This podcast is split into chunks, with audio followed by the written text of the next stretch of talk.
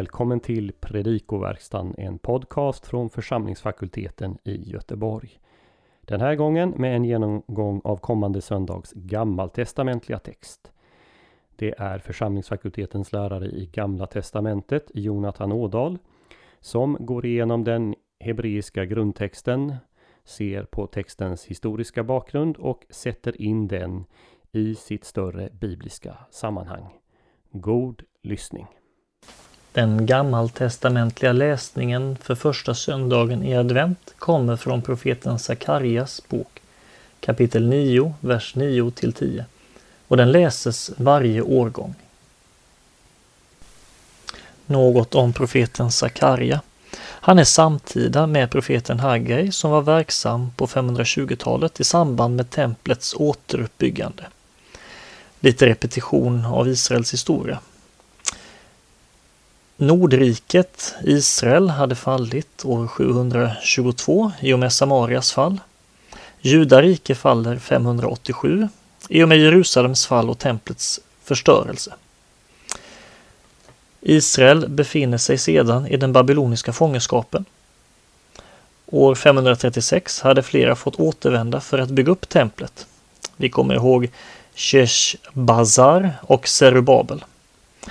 Templets återuppbyggande står färdigställt 516. Esra kommer till Jerusalem 458 och Nehemja kommer till Jerusalem 445.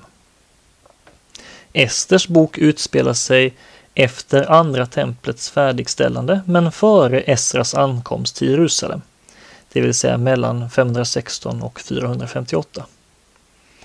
Profetiorna i Sakarja bok kapitel 1-8 är lättare att relatera till den samtida historien och därmed lättare att datera. De brukar dateras till någon gång mellan 520 och 518. Kapitel 9-14, där vi hittar vår text idag, är svårare att datera, men troligtvis senare än kapitel 1-8. Kapitel 9-14 är mer av apokalyptisk art och innehåller profetier om Israel, den kommande Messias och världsrikena. Det har sagts att de sista sex kapitlen av Sakarja kan studeras som en livlig kommentar till det kommande riket som kyrkan ber om i bönen Fader vår när vi ber Tillkommer ditt rike. Vi läser texten och översätter och gör därefter några specifika nedslag. Geli meod bat Sion Harii bat Jerusalem. Gläd dig mycket, dotter Sion. Jubla, dotter Jerusalem. Hine malkech yavo lach tzadik venusha hu. Se, din konung kommer till dig. Rättfärdig och räddande är han, eller rättfärdig och räddad är han. Ani verochev al chamor ve al ayir ben asonoth. Ödmjuk och ridande på en åsna. En ungåsna, åsninnors son. Vehichrati Rechev. Med Efraim, Vesus Mirushalayim. Och jag ska förstöra vagnar från Efraim och häst från Jerusalem. و keshet milchama och krigsbågen ska förstöras.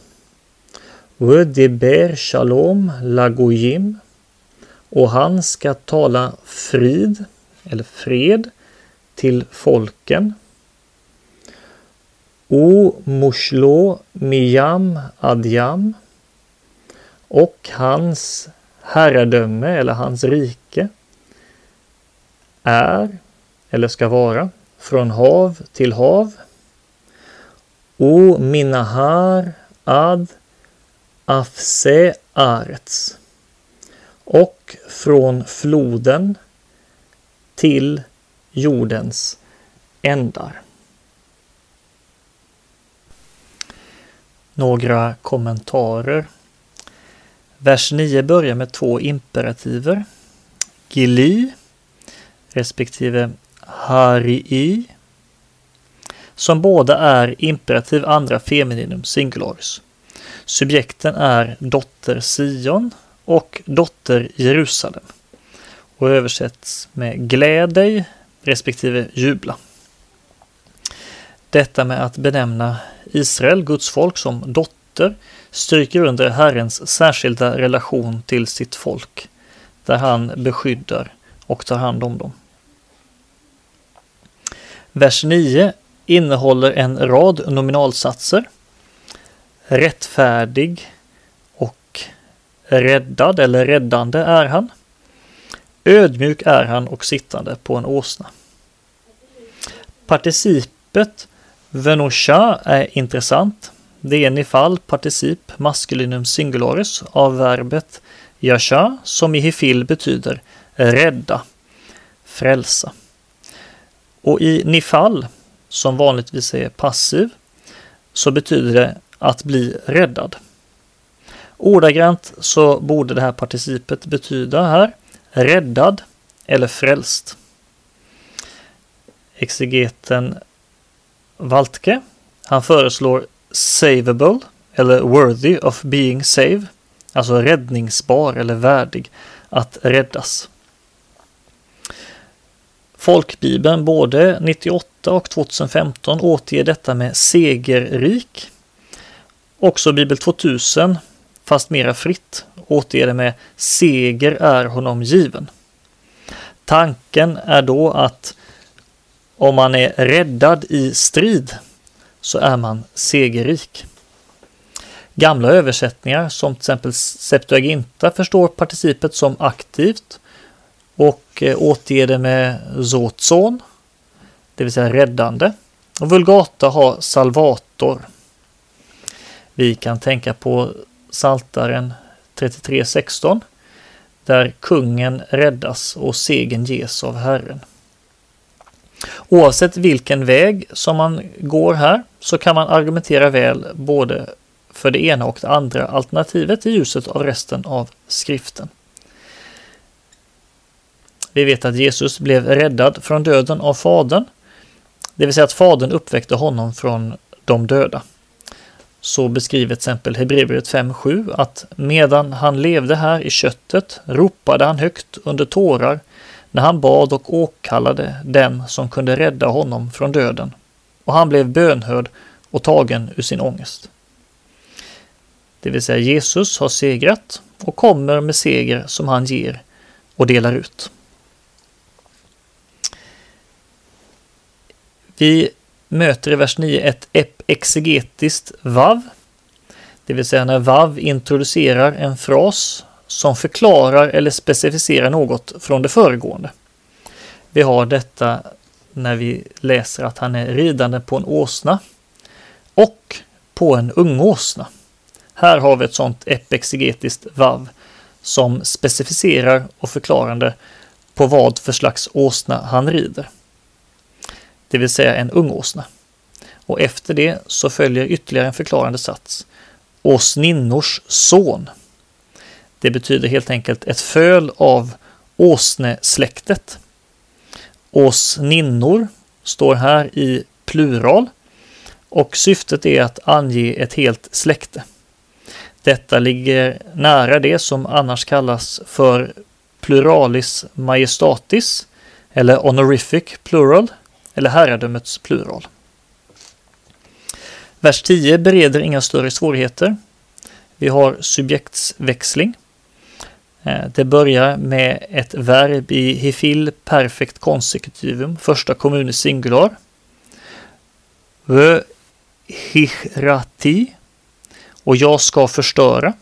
och strax därefter ett verb i nifal perfekt CONSECUTIVUM, tredje femininum singularis. Vö nichresa och, och subjektet är då krigsbågen ska förstöras. Och sen en PL perfekt konsekutivum tredje maskulinum singularis. Rudiber och han ska tala. Därefter två på varandra följande nominalsatser. Den första och hans herravälde är från hav till hav eller ska vara från hav till hav. Och den andra nominalsatsen och från, och från floden till jordens slut. Egentligen och från flod till jordens slut. Och många gånger så när det bara står flod så är det floden Eufrat som avses. Efraim och Jerusalem som nämns anspelar på Nordriket som gick under 722 och Sydriket som inte längre har något självstyre. Det vill säga Efraim står för Nordriket och Jerusalem för Sydriket. Sydriket har egentligen ingen egen kung.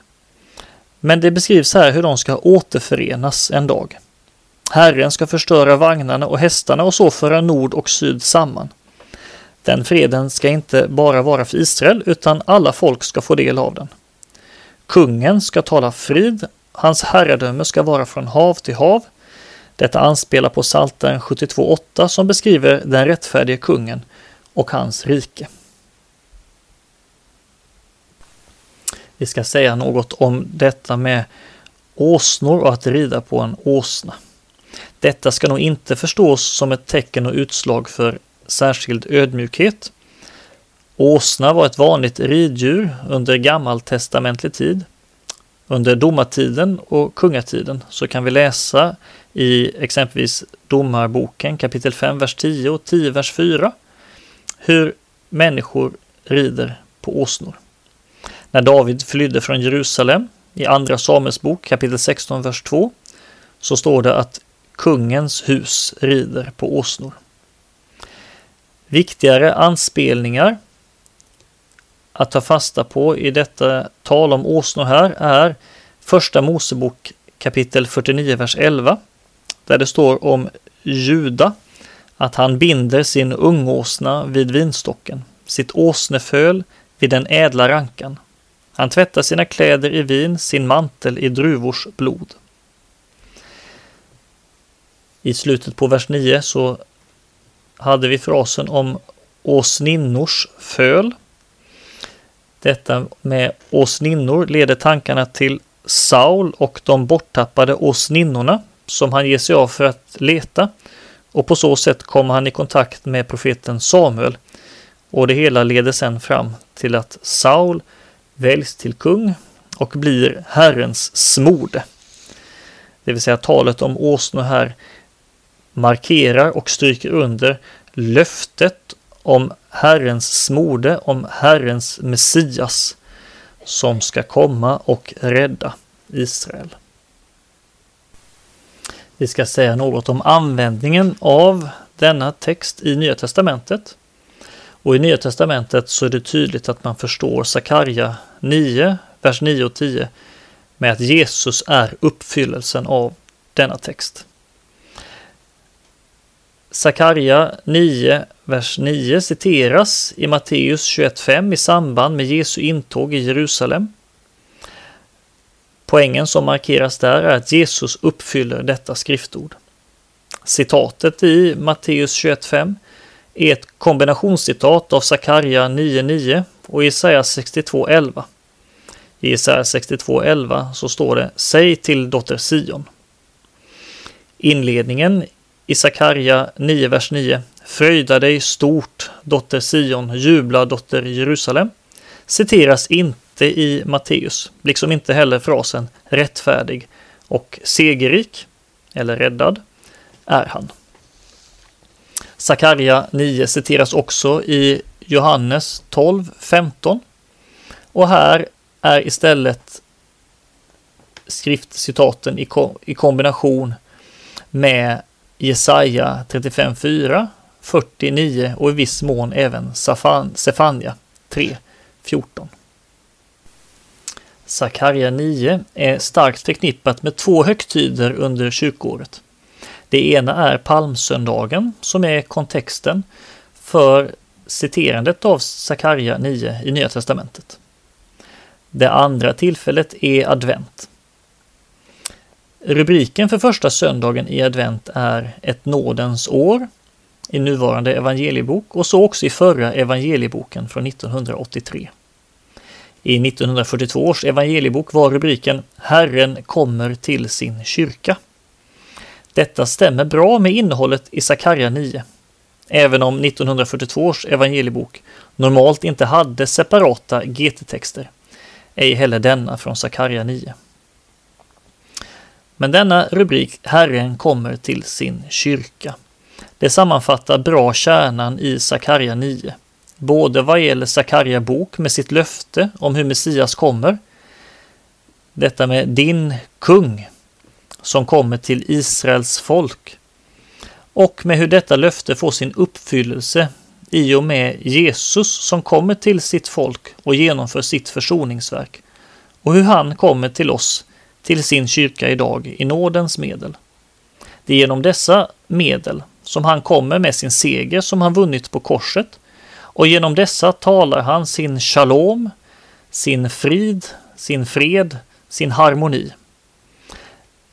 Kristi rike är ett nåderike som inte bygger på militär styrka utan på Guds ord.